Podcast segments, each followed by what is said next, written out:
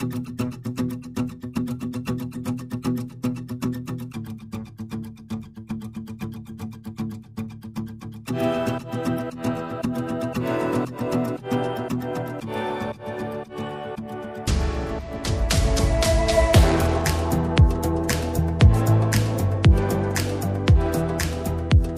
dobry Państwu, właściwie dobry wieczór. Z tej strony Karolina Wigura, a także Katarzyna Kasia. Dobry wieczór Państwu, cześć Karolina. Cześć Kasiu, to jest Widok z K2, środowa odsłona podcastu Kultury Liberalnej. Wydaje nas niezawodna Aleksandra Sawa, a my już e, zaczynamy to, co robimy zawsze, co tydzień o tej 20.30, czyli zaczynamy wspinać się na K2 i zobaczymy, czy stamtąd widać trochę lepiej bo wiemy, że z centrum widać najwięcej, prawda? Natomiast czy lepiej widać z K2, szczególnie dzisiaj, to się za chwilę okaże. Kasiu, chciałabym Cię na dobry początek zapytać, jak to jest? Czy Ty w takie dni jak dzisiaj masz taką receptę na to, żeby pozostać właśnie w spokoju i w dystansie? Był fantastyczny wywiad, proszę Państwa, bardzo Państwu polecam. Jeśli ktoś nie czytał Wysokich Obcasów z ostatniego weekendu, to niechże jeszcze spróbuje przeczytać. Może w internecie to się jeszcze uda. Tam jest wspaniały wywiad, który właśnie z Katarzyną Kasią przeprowadziła Natalia Waloch. I tam Katarzyna Kasia opowiada o ironii jako sposobie na to, żeby wytrzymać z dystansem no i Kasiu, posłuchaj, dzisiaj mamy taki dzień, że jednak mimo wszystko, chociaż nie wiem, jak wiele osób jednak myślało, że to jednak się nie zdarzy, a PiS słabnie i większość sejmowa być może nie da rady, a jednak przeszedł Lex Czarnek. I powiedz mi, czy może nam pomóc ta ironia, czy możemy jakoś tak z dystansu na to spojrzeć? Wiesz co, ja dzisiaj właściwie cały dzień spędziłam na działaniach edukacyjnych, egzaminowaniu moich studentek i studentów online co jest bardzo niewdzięczne, trudne, skomplikowane i technologia nas zawodzi, ale mimo to e, na koniec się udało i wtedy zobaczyłam właśnie, co się wydarzyło dzisiaj w Polsce. Tak szybko odrobiłam lekcję przed naszym spotkaniem. No i mam takie bardzo, e, wiesz, trudne uczucia, bo z jednej strony Lex Czarnek, to jest bardzo złe prawo, nie oszukujmy się. To jest naprawdę fatalny pomysł na e, polską szkołę. To jest pomysł, który przede wszystkim nie robi tego, co jest głównym hasłem pana ministra, e, czyli nie zwiększa uprawnień rodziców, wręcz odwrotnie. E, bardzo redukuje uprawnienia rodziców, którzy na przykład chcieliby, żeby ich dzieci miały jakieś dodatkowe zajęcia, no to teraz e, ta decyzja jest rodzicom już zupełnie zabrana. To, co było w gestii rad rodziców i dyrektorek, dyrektorów szkół, no, zostaje po prostu odebrane i przekazane kuratoriom. I, e, I to jest bardzo zły dzień z tego powodu. Z drugiej strony, mm, dzisiaj, nie wiem czy wiesz, Karolino, ale pan minister Niedzielski z panem ministrem Czarnkiem ogłosili, że skończyła się pandemia właściwie w Polsce i że teraz noszenie maseczek będzie już tylko właściwie takim, nie wiem, no, dobrowolnym gestem jest to przerażające dla mnie grubo. I te dwie rzeczy naraz sprawiają, że ten dzień jest kolejnym dniem, do jakiego ja się coraz bardziej przyzwyczaiłam w ciągu ostatnich sześciu lat. Dniem, w którym wydaje ci się, że wydarzyło się coś naprawdę niepokojącego, i zanim się zaczniesz nad tym zastanawiać, to wy wydarzy się coś kolejnego, co również jest głęboko niepokojące i czego konsekwencje będą bardzo e, daleko idące. No bo jeżeli chodzi o Lex Czarnek, to tutaj jest jeszcze nadzieja w prezydencie Andrzeju Dudzie, no bo wiemy, że e, dzielne posłanki opozycji spotkały się z pierwszą damą, która no, po raz pierwszy, wydaje mi się, że mam rację, po raz pierwszy w ciągu całego swojego bycia pierwszą damą podjęła taką poważną decyzję, żeby się spotkać z posłankami opozycji. No i one mówiły po tym spotkaniu, że ona nie jest, delikatnie mówiąc, fanką Lex Czarnek, tylko e, wręcz odwrotnie i że będzie o tym z mężem rozmawiać. Także tutaj Trzymam kciuki za tę rozmowę i za e, panią prezydentową. Nie sądziłam, że to powiem, ale naprawdę to robię. I za to, żeby jednak pan prezydent Andrzej Duda tę ustawę zawetował, bo jakieś szanse na to są. A z drugiej strony, no, e, te regulacje w sprawie pandemii wbiły mnie w podłogę, powiem Ci szczerze. Co Ty o tym myślisz? Dlaczego nagle na całym świecie jest pandemia, a w Polsce dzisiaj e, pan Niedzielski wyszedł, i którego nie było w ogóle. Minister zdrowia zniknął na mm, kilka dni ostatnich. Dzisiaj powrócił i tak jak tydzień temu mówił nam ze smutkiem, że jesteśmy w szczycie piątej fali, to ci nam powiedział, że właściwie Nie ma się czym martwić, że właściwie dzieci wcześniej wrócą do szkół, że skracamy kwarantannę, że zdejmujemy w ogóle kwarantannę z tak zwanego kontaktu, no i że noszenie maseczek będzie tylko takim gestem dobrej woli ze strony osoby noszącej. Tak, ja wiesz co, muszę ci powiedzieć, że pomyślałam sobie po raz pierwszy o tym, że chciałabym, żeby Polacy mieli gen niezgody. To znaczy, że teraz by się ten gen niezgody objawił w taki sposób, że już nie musimy nosić maseczek, ale je nosimy, dlatego że się nie zgadzamy. To taka pierwsza myśl. Druga myśl jest taka, że no wiesz, podsumowywałyśmy wielokrotnie e, retorykę tego rządu, a szczególnie ministra Niedzielskiego, jeżeli chodzi o pandemię i no i to jest pandemonią, ta retoryka. To jest raz to, raz tamto w gruncie rzeczy od miesięcy udajemy, że pandemii po prostu nie ma i że ta pandemia, no to może gdzieś tam mówią o niej e, jak kiedyś o jakimś innym wydarzeniu za naszymi granicami, ale tak naprawdę od miesięcy udajemy, że tej pandemii nie ma. Więc wydaje mi się, że to jest kolejny krok e, na tej drodze. Ale trzecią rzecz, wiesz, chciałam powiedzieć, to znaczy, że obserwuję, e, jak to wygląda tutaj i też patrzę na, na to, jakie są dyskusje w innych krajach europejskich. I wydaje mi się, że to będzie teraz e, szło w dwóch kierunkach. To znaczy, po pierwsze, pierwszy kierunek to jest taki jak tutaj w Berlinie, czyli nadal sytuacja jest niesłychanie poważnie traktowana. E, nigdzie nie wejdziesz, jeśli nie pokażesz e, certyfikatu. Najlepiej, żeby być jeszcze potrójnie zaszczepionym, bo inaczej trzeba przynieść test o wyniku negatywnym. Więc to tak naprawdę jest bardzo, bardzo poważna sprawa. Nigdzie do kawiarni, nigdzie do sklepu innego niż spożywczy albo apteki nie wejdziesz po prostu bez bez tego, bez tych dokumentów. No ale z drugiej strony mamy przypadek duński.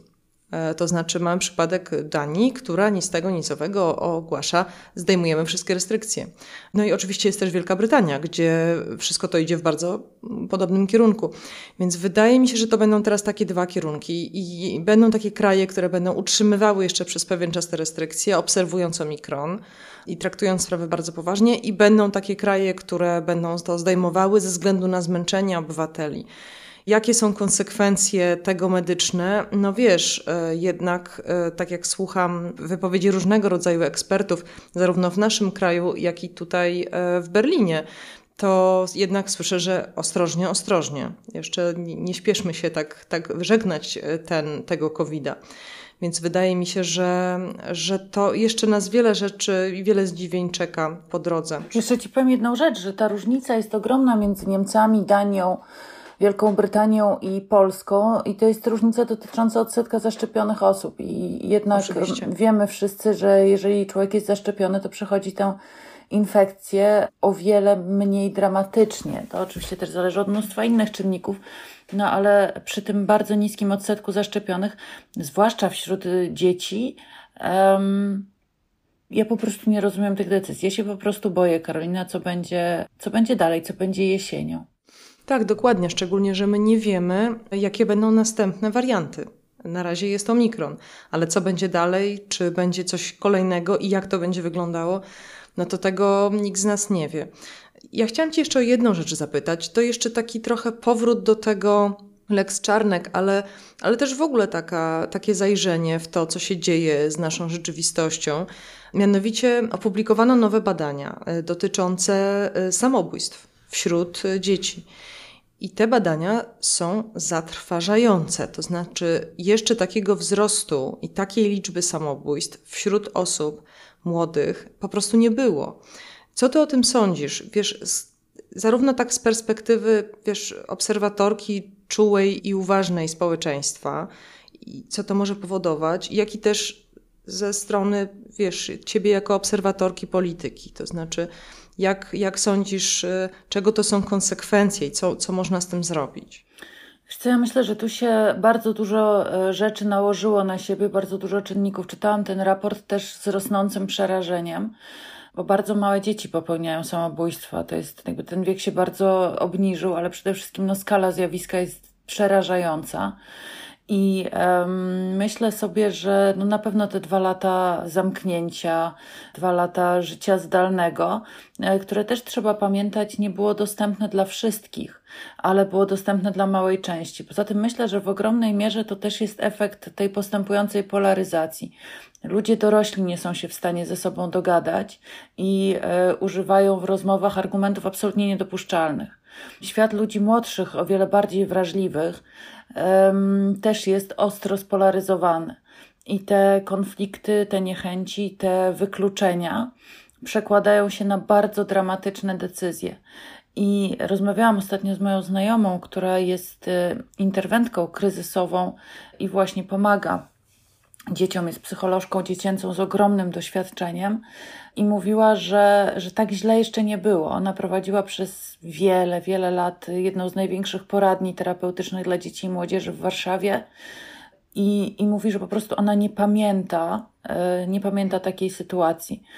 Dodatkowo przerażające jest to, że um, nie mamy de facto psychiatrii dla dzieci i młodzieży, że y, jeśli ktoś by potrzebował takiej interwencji kryzysowej, to wcale nie jest tak prosto ją e, otrzymać, bo po prostu e, jest zbyt mało specjalistek, zbyt mało specjalistów, którzy mogliby jej udzielić. I to jest dramat. Znaczy, to jest sytuacja, w której ja nie widzę, e, nie widzę za bardzo w tym momencie żadnego, żadnego światełka. I jeszcze na dodatek do tego się nakłada na to ten, te pomysły pana Czarnka i jego jego reforma, już w ogóle odebranie tym dzieciakom szansy na rozmowę z kimkolwiek, e, kto miałby może trochę bardziej podobne do nich wątpliwości czy, czy poglądy.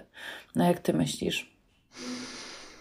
No, ja myślę, że, że to jest wynik anomii społecznej, to znaczy to jest wynik chaosu, zakłócenia wartości, zakłócenia norm.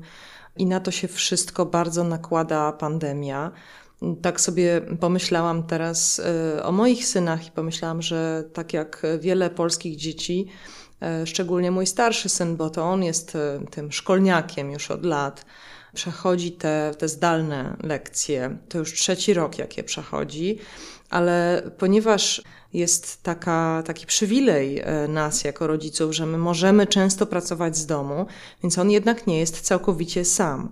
Ale myślę sobie o tych wszystkich zawodach, bo przecież pandemia przede wszystkim wyostrzyła nierówności, prawda? To wynika z wielu raportów.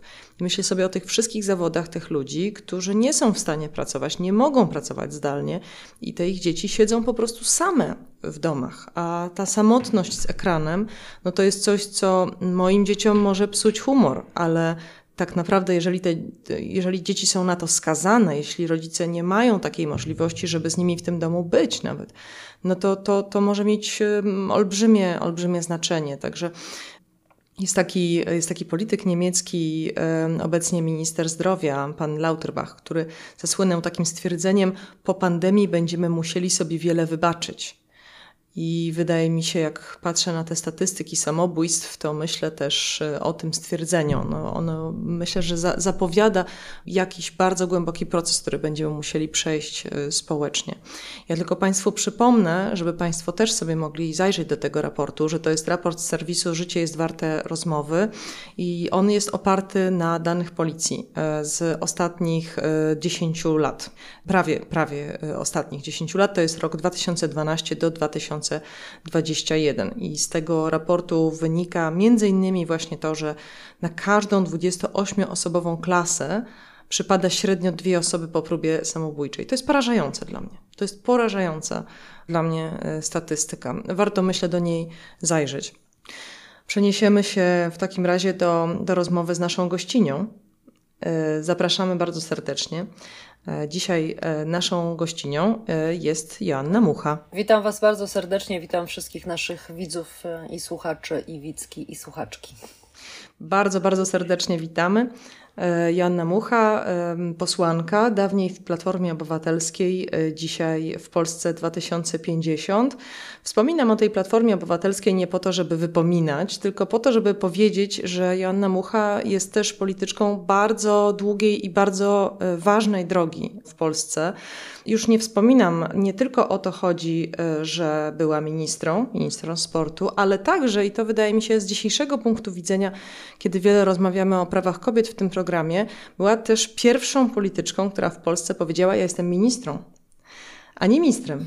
Ale wiesz, e, byłam też chyba pierwszą polityczką, wydaje mi się, że pierwszą polityczką, w ogóle pierwszym politykiem w Polsce, który mówił właśnie o samobójstwach e, wśród dzieci. E, wydaje mi się, że byłam pierwszą osobą, która zaczęła o tym mówić.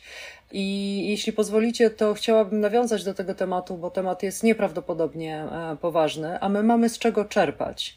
E, bo został przeprowadzony wielki, wieloletni program w Wielkiej Brytanii, który był nastawiony na to, żeby, żeby zmniejszyć liczbę nie tylko samobójstw, ale, ale depresji, bo tam właściwie był nastawiony głównie na depresję, ale problem jest oczywiście ze sobą połączony. I tam e, ten program był, został skonstruowany w ten sposób, żeby najpierw znaleźć najlepszą metodę e, prowadzenia terapii, później przeszkolić tysiące, tysiące terapeutów, którzy są tym, tym pierwszym szczeblem, do którego trafia, trafiają ludzie, trafiają dorośli, trafiają dzieci. Jeśli ostatnie dane, które sprawdzałam, mówiły o tym, że przez ten program przeszło już 600 tysięcy ludzi. To są takie liczby, to jest taka skala, którą obejmuje ten program, a myślę, że każdego roku obejmuje kolejne setki tysięcy zapewne Brytyjczyków i ma wymierne efekty, bo to jest wszystko ewaluowane na każdym etapie, czyli na ile pomagają te terapie konkretnym osobom, na ile konkretny terapeuta pomaga e, swoim podopiecznym i tak dalej, i tak dalej. Więc to są zupełnie niesamowite rzeczy. A zaczęto w ogóle od tego, że ustanowiono wiceministra, znaczy osobę, która zajmuje się psychiatrią, zdrowiem psychicznym w randze właśnie wiceministra. I, e, i, i w ten sposób postawiono ten program. E, drugi program, o którym, o którym warto wspomnieć, to jest program fiński, gdzie mm, bardzo wiele samobójstw e, właśnie wśród młodzieży. I rząd przyjął taki program, który polegał na tym, że po każdym samobójstwie było przeprowadzane nieprawdopodobnie szczegółowe śledztwo które miało doprowadzić do tego, żeby pokazać, jaka była przyczyna tej, tej śmierci samobójczej. I po kilku latach po prostu wskazano na te czynniki, które najczęściej przykładały się do tego, że, że, że, że dzieci targały się na własne życie. I wprowadzono takie programy profilaktyczne, że, y, że te liczby po prostu zmniejszyły się w sposób absolutnie nieprawdopodobny. Więc jest z czego czerpać, wiemy gdzie i w jaki sposób jakby zabrać się do tego tematu, no ale oczywiście nasza władza zamiast y, zabierać się do tego tematu, to odbiera pieniądze z telefonu zaufania, czyli z tej już tak naprawdę takiego, takiej ostatniej pomocy, tak, e, która, która została dzieciakom, które które rzeczywiście mają jakiś, jakiś problem. Więc temat jest potężny, temat jest poważny. Przedstawiliśmy naszą, nasz pomysł na ten temat, na, na, na, na rozwiązanie tego, tego problemu bodaj w marcu ubiegłego roku, więc to już sporo czasu temu. I no powiem tyle, że, że będzie to pewnie jedna z tych rzeczy, którą się trzeba będzie po zmianie władzy e, zająć e, natychmiast, po prostu natychmiast.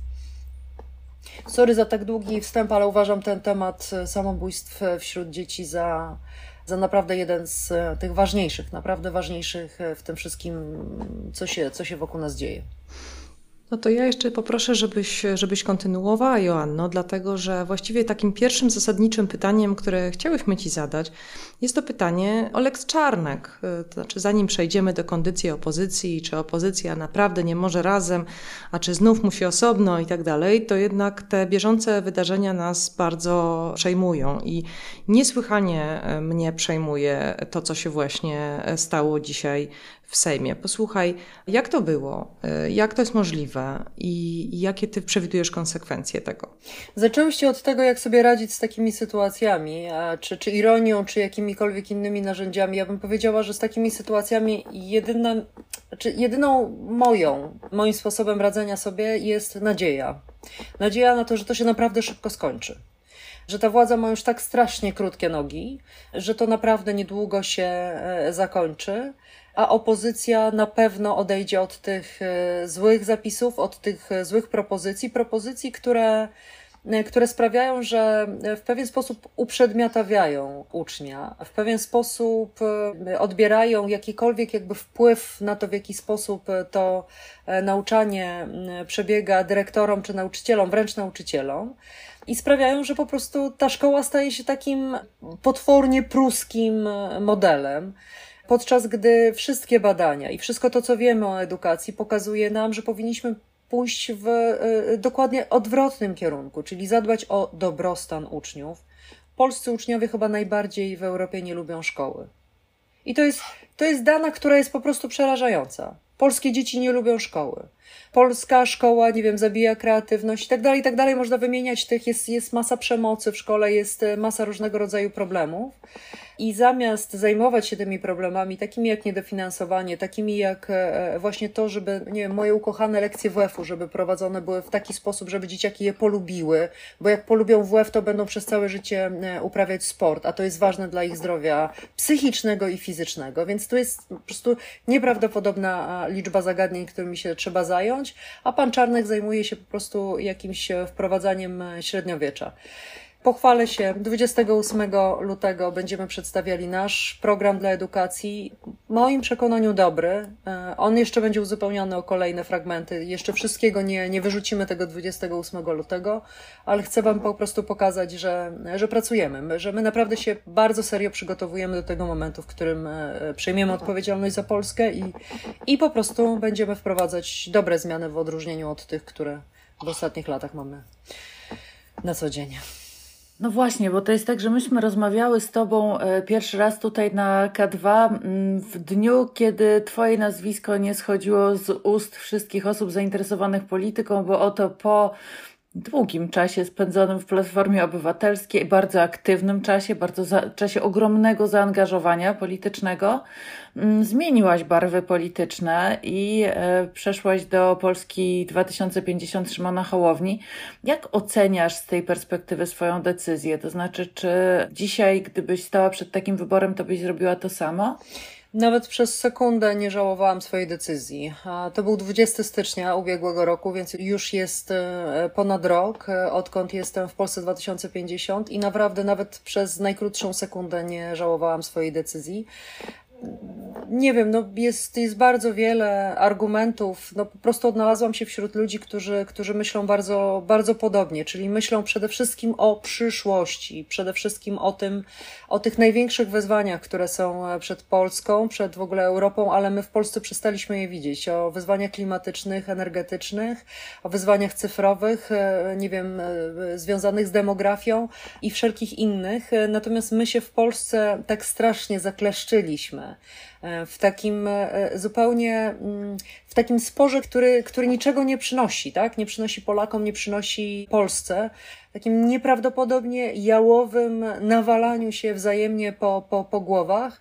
Uważałam od bardzo wczesnych lat po, po wyborach w 2015 roku, już mniej więcej w 2016 roku zaczęłam mówić, że ta droga, na którą weszliśmy, czyli droga tej totalnej opozycji, mówię w tej chwili o Platformie Obywatelskiej, jest drogą złą. Dlatego, że jeśli się ma totalną władzę, to nie wygrywa się z totalną władzą, byciem e, totalną opozycją, tylko trzeba mieć propozycję, trzeba dać alternatywę dla, dla ludzi, żeby oni rzeczywiście mogli coś wybrać, ale coś pozytywnego, a nie jakby w tym chocholim tańcu cały czas y, e, próbować się e, odnaleźć. E, więc y, no, to, że właśnie patrzymy w przyszłość, to, że my patrzymy tak bardzo wspólnototwórczo na, na Polskę, czyli mówimy o tym, że trzeba rozliczyć, ale nie mścić się, rozliczyć funkcjonariuszy, a jednak skierować zaproszenie do ludzi, do tych ludzi, którzy dzisiaj popierają PiS, tak? Zaproszenie, żeby powiedzieć im, że oni też będą mieli kraj, w którym będą chcieli żyć, który będzie też ich krajem, e, a nie funkcjonować w, w takim, w takim paradygmacie um, odwetu, zemsty, wendety, co, co mi też bardzo przeszkadzało w platformie. No i wreszcie, no, nie wiem, tu masa, masa byłaby argument, wie, wiele argumentów, ale ja też mam wrażenie, że mm, w Polsce 2050 odnalazłam ludzi, którzy mają tę samą wrażliwość, którą ja mam na ludzi, na takie, na takie po prostu zwykłe, codzienne troszczenie się o ludzi i na takie myślenie, że każda, każdy proces społeczny, każda, każda reforma, każda zmiana musi być przeprowadzona w taki sposób, żeby żeby ludzie po prostu nie ucierpieli, że paradygmat transformacyjny się wyczerpał. My już nie możemy ludziom robić tego, co robiliśmy im w transformacji, czyli tego, że upadały całe miasta, całe regiony. My musimy tak przeprowadzać zmianę, żeby właśnie na pierwszym miejscu był ten, ten człowiek, którego ta zmiana będzie dotyczyła. Mówię, różnic jest naprawdę bardzo wiele, ale myślę, że pewnie te są takie najszybciej do, do wymienienia. Mam strasznie dużo myśli, e, kiedy tego słucham. Pierwsza myśl jest taka, że oczywiście nie trzeba mnie przekonywać do tego, że w Polsce potrzebna jest propozycja. W tej kwestii się całkowicie zgadzamy i ja też uważam, że nie da się przeciwstawić e, populistom bez opowiedzenia przyszłości na nowo. Szczególnie, że to jest naprawdę wielkie wyzwanie. Dzisiaj przyszłość jest bardzo trudno opowiedzieć, też dlatego, że żyjemy w takiej epoce przekonania o schyłku. To znaczy, e, nie tylko w Polsce, ale w wielu miejscach na świecie ludzie są przekonani, że z jakiegoś powodu nasza kultura albo wręcz nasza cywilizacja się kończą. Więc to jest na pewno bardzo, bardzo ważne. E, natomiast e, często patrząc na nasze polskie społeczeństwo i na tę dyskusję polityczną, to myślę sobie jeszcze jedno, to znaczy, że gdybyśmy tak naprawdę pragnęli programu jako społeczeństwo, to pewnie byśmy głosowali na partię z programem, ale jakoś tak jest, że ta polaryzacja, choć wszyscy na nią narzekają, to tak jakby wszystkim odpowiada. I to trochę wynika z sondaży. To może mi się nie podobać, ale widać to w sondażach. Więc e, zastanawiam się, czy tak rzeczywiście jest. Ciekawa jestem, co o tym sądzisz. Ale też wreszcie jest jeszcze jedno pytanie. Przepraszam, trochę może za dużo tych pytań, ale to jest po prostu interesujące dla mnie bardzo.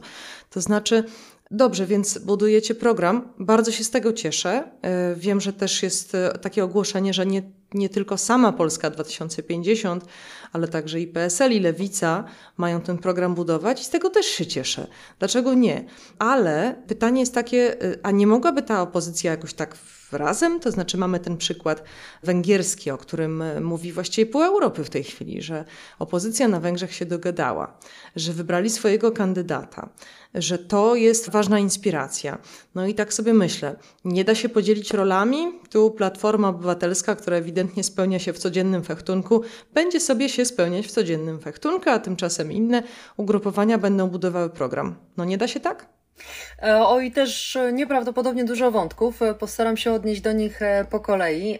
Jeśli... To jest podstawowy błąd podobno w wywiadzie, żeby zadać za dużo pytań, więc właśnie zadałam za dużo pytań, ale pozwalam sobie, bo jesteśmy na K2. Jeśli chodzi o, ten, o, to, o to rozgraniczenie, żeby każdy robił swoje, właśnie, żeby Platforma zajmowała się tym takim już bardzo wyraźnym, twardym, antypisowskim elektoratem, a żebyśmy my mogli robić nasze, tak? Czyli my chcemy się zajmować tymi nieprzekonanymi, chcemy do nich trafić, chcemy ich wyciągnąć, chcemy ich przeprowadzić przeprowadzić na drugą, drugą stronę. I tylko e, wielkie, ja zawsze mówię, wielkie błaganie do, do, do, do dziennikarzy, do ludzi, którzy komentują, do naukowców, pozwólcie nam to robić. Po prostu pozwólcie nam być różnymi. Pozwólcie nam, e, Polsce 2000, być innymi niż jest Platforma Obywatelska, być PSL-owi innym niż, niż Platforma Obywatelska i tak dalej, i tak dalej. Dlatego, że my dzięki temu, że jesteśmy innymi, trafiamy do różnych ludzi z różnym przesłaniem, z różnymi jakby argumentami na rzecz tego, żeby nie, nie głosowali na PiS. Więc to jest pierwsza sprawa. Druga sprawa, jeśli chodzi o tę e, zjednoczoną opozycję, bo to jest temat, który się rzeczywiście cały czas e, pojawia. I spójrzcie, jak to jest, to jest bardzo ciekawe w ogóle socjologicznie dla mnie, bo wszyscy się odnoszą do przykładu węgierskiego. Wybory na Węgrzech są w kwietniu, wszyscy trzymamy kciuki po prostu do, do gdzieś tam, do zdartej skóry, ale nie wiadomo, co z nich będzie. Naprawdę nie wiadomo, czy oni z tą zjednoczoną opozycją wygrają. Ale mamy inny przykład. Mamy przykład czeski. I tam e, opozycja poszła w dwóch blokach i wygrała. O włos. To prawda, o włos, ale wygrała. I zobaczcie też na nasz polski przykład, bo to jest przykład, który tak naprawdę kompletnie nie wybrzmiał i kompletnie tego nie widać, nie dochodzi jakby do naszej świadomości. 2019 rok. Tam były chyba cztery bloki opozycyjne, jeśli się nie mylę, w wyborach parlamentarnych do Sejmu.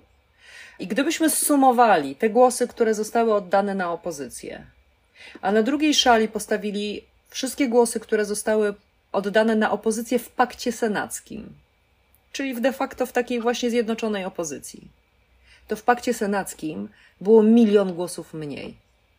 Prawie milion głosów mniej. I wydaje mi się, że to jest naprawdę argument, który trzeba brać pod uwagę, e, że idąc na jednej liście, na pewno będziemy tracić. Pytanie, jak dużo będziemy tracić i co tutaj przeważa? Czy ważniejszy jest dąd, który doważa tą jedną listę, czy ważniejsze jest to, żeby ci ludzie od nas nie odeszli? Nasze badania wskazują na to, nasze, nasze obliczenia wskazują na to, że dwie listy, znaczy prawdopodobnie dwie, miejmy nadzieję, że to będą dwie listy, to jest opozycyjna, oczywiście tej, po tej stronie e, poza pisem, to jest model optymalny. To jest model, który w największym stopniu daje szansę na, na pokonanie PiSu. I, I próbujemy przekonać inne środowiska do tego, i muszę powiedzieć, że coraz bardziej to przekonanie dociera do ludzi, i, i mi się wydaje, że to jest bardzo cenne. Jeśli chodzi o program, to my chcemy wypracować tylko minimum programowe z innymi partiami. Chcemy po prostu dogadać się, zanim wydarzą się wybory, co do minimów programowych. I teraz wyobraźcie sobie najprostszą rzecz na świecie, tak? Transformacja energetyczna w którym kierunku, w jaki sposób idziemy.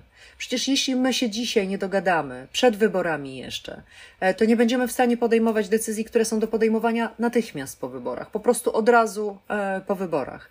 Platformę, dlaczego nie jesteśmy wszyscy po tej stronie opozycyjnej? Przecież my wszystkich zapraszamy. Zapraszamy też Platformę, żeby przyszła, żebyśmy ze sobą po prostu rozmawiali, najnormalniej w świecie rozmawiali o tym, jak będziemy później e, za Polskę brać odpowiedzialność.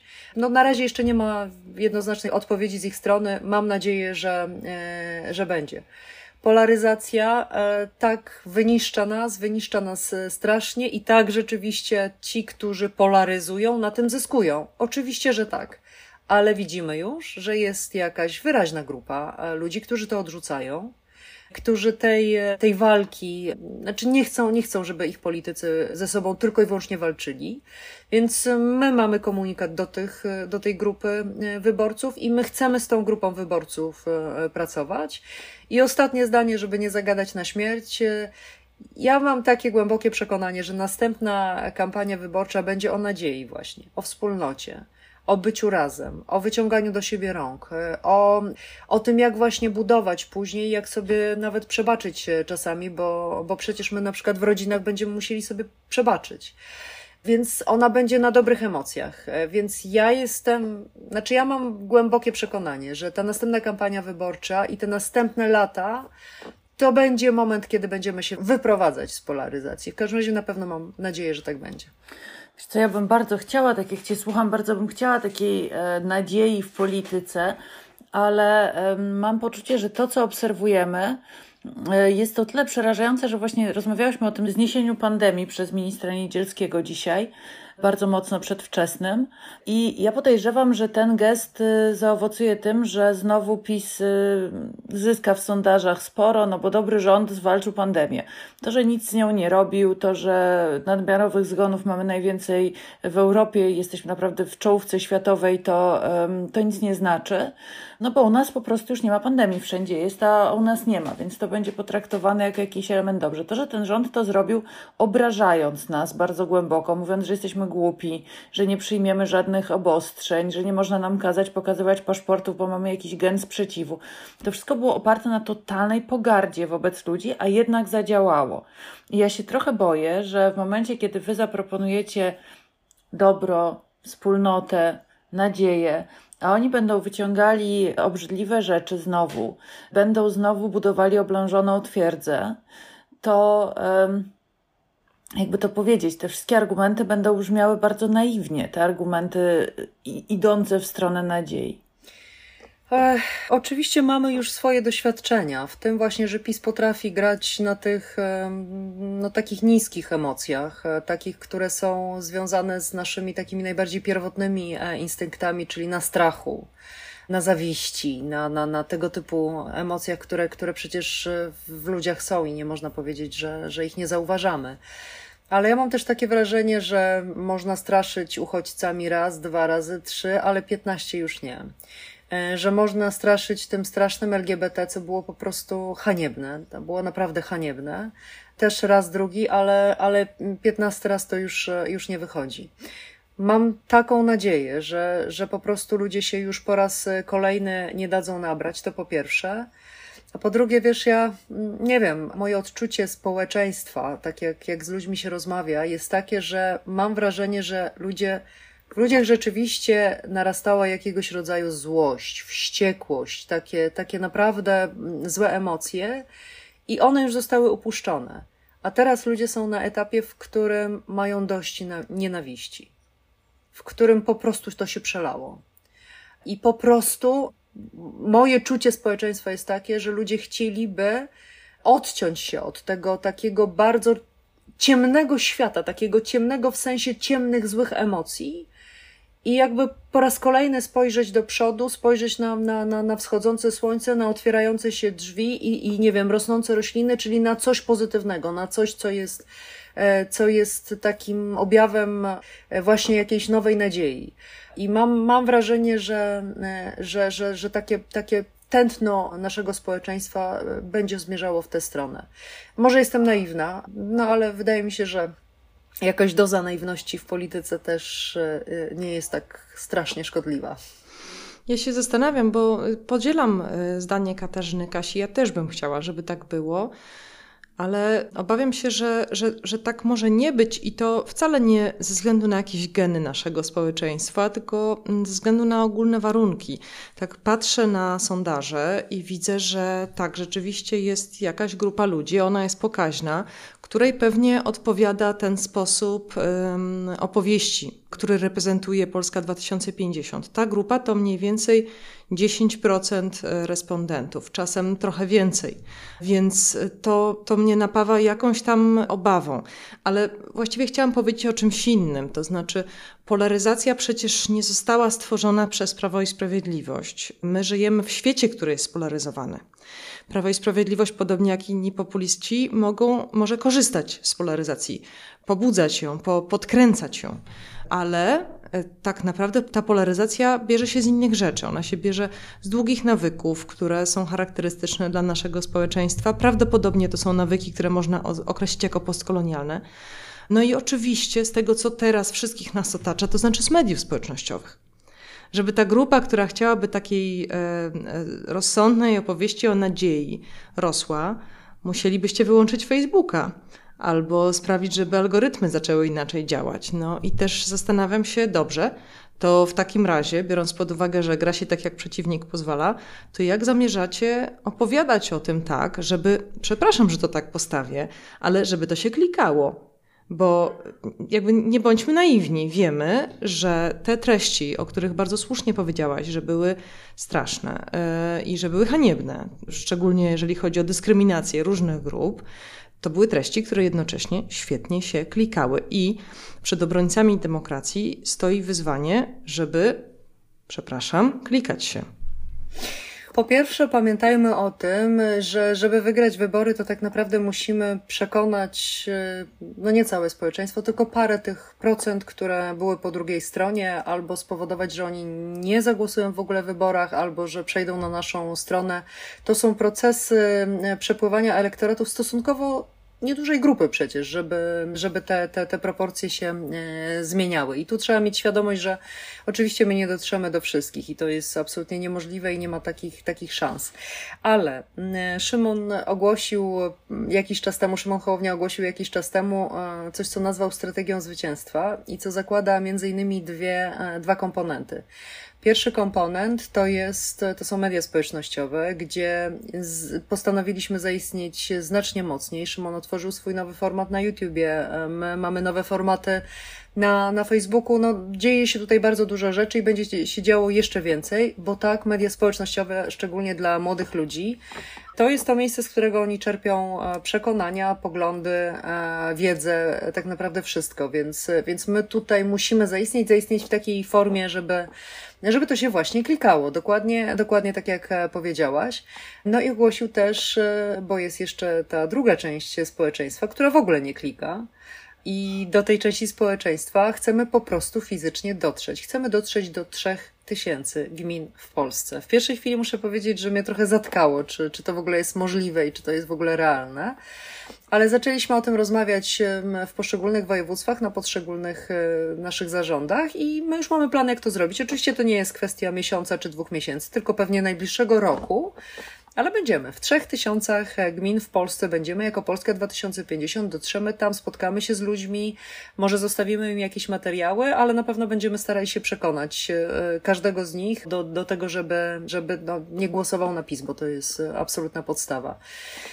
Jeszcze jedna rzecz z tych, o których, o których mówiłaś. Sama mówisz o algorytmach nie ma w ogóle dyskusji w Polsce o tym, w jaki sposób państwo powinno wpływać właśnie na tego typu firmy jak Meta, czyli e, wiadomo, e, właściciel największych mediów e, społecznościowych, żeby właśnie eliminować te złe algorytmy, te najgorsze, te, te, te nakręcające nienawiść, nakręcające różnego rodzaju negatywne emocje. W ogóle u nas nie istnieje ten temat. Nawet wtedy, kiedy w Unii Europejskiej są podejmowane jakieś nowe akty, nowe rozwiązania, to w Polsce debata na ten temat nie istnieje.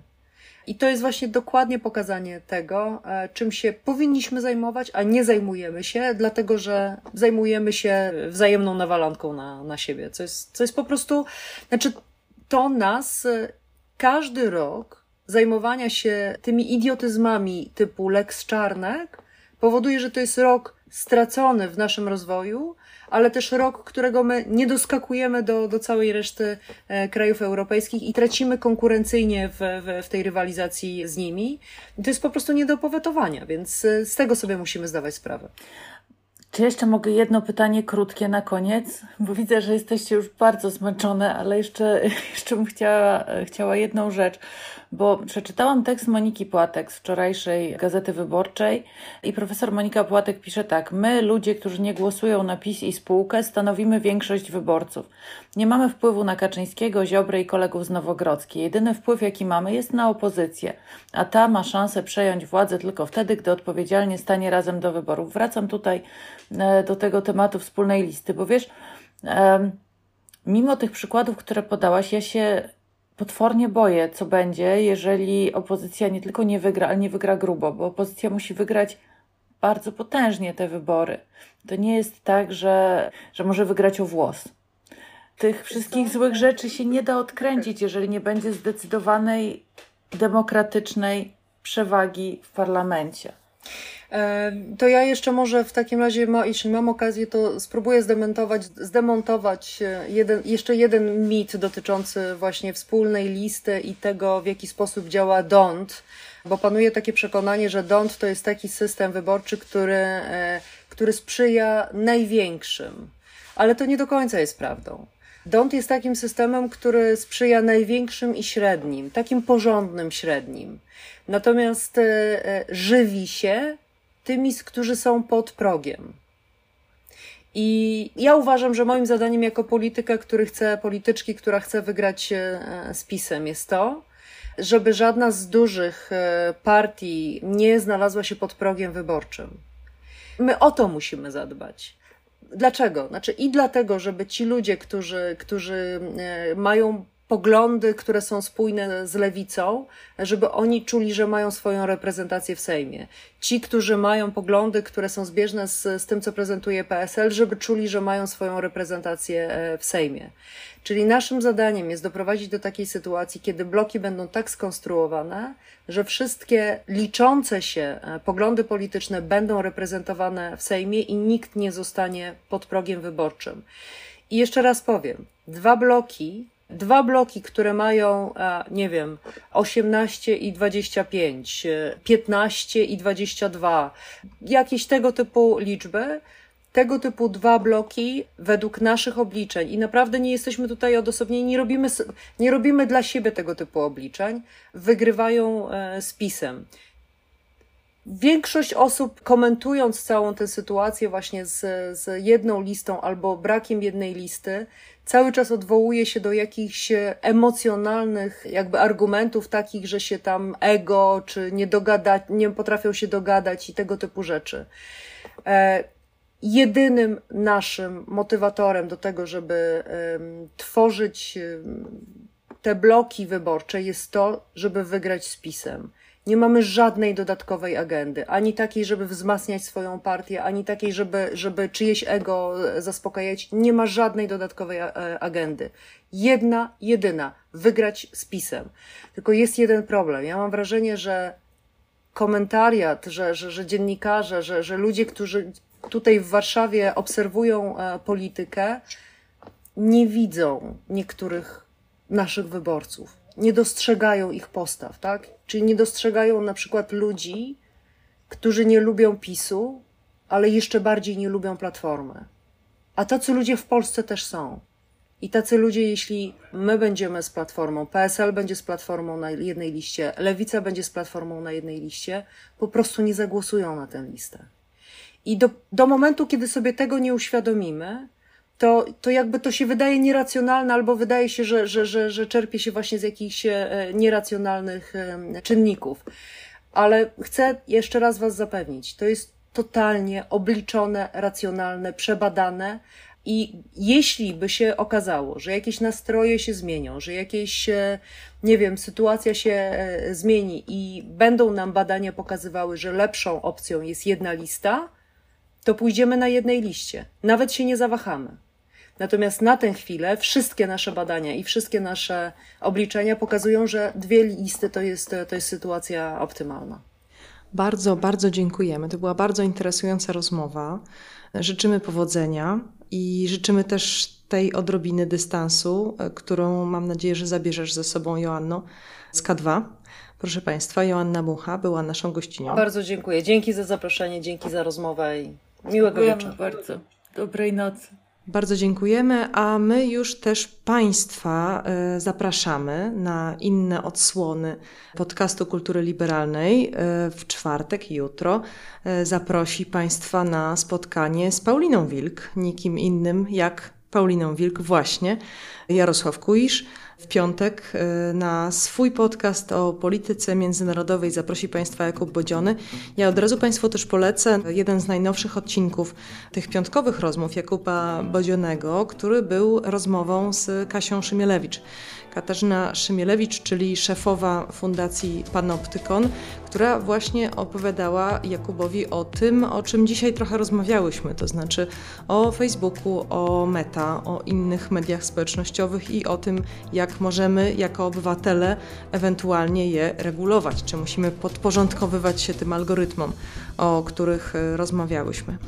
Także bardzo to Państwu polecamy. My ze swojej strony szalenie dziękujemy za wsparcie a jednocześnie prosimy też, jeżeli Państwo nie zdecydowali jeszcze na jaką organizację pożytku publicznego przeznaczyć swój 1%, to może to będzie kultura liberalna. Może to będzie właśnie nowoczesny liberalizm, nowoczesne idee liberalne i dialog, proszę Państwa, i rozmowy, i może odrobina dystansu. Bardzo, bardzo serdecznie dziękujemy. Dziękujemy i dobrej nocy.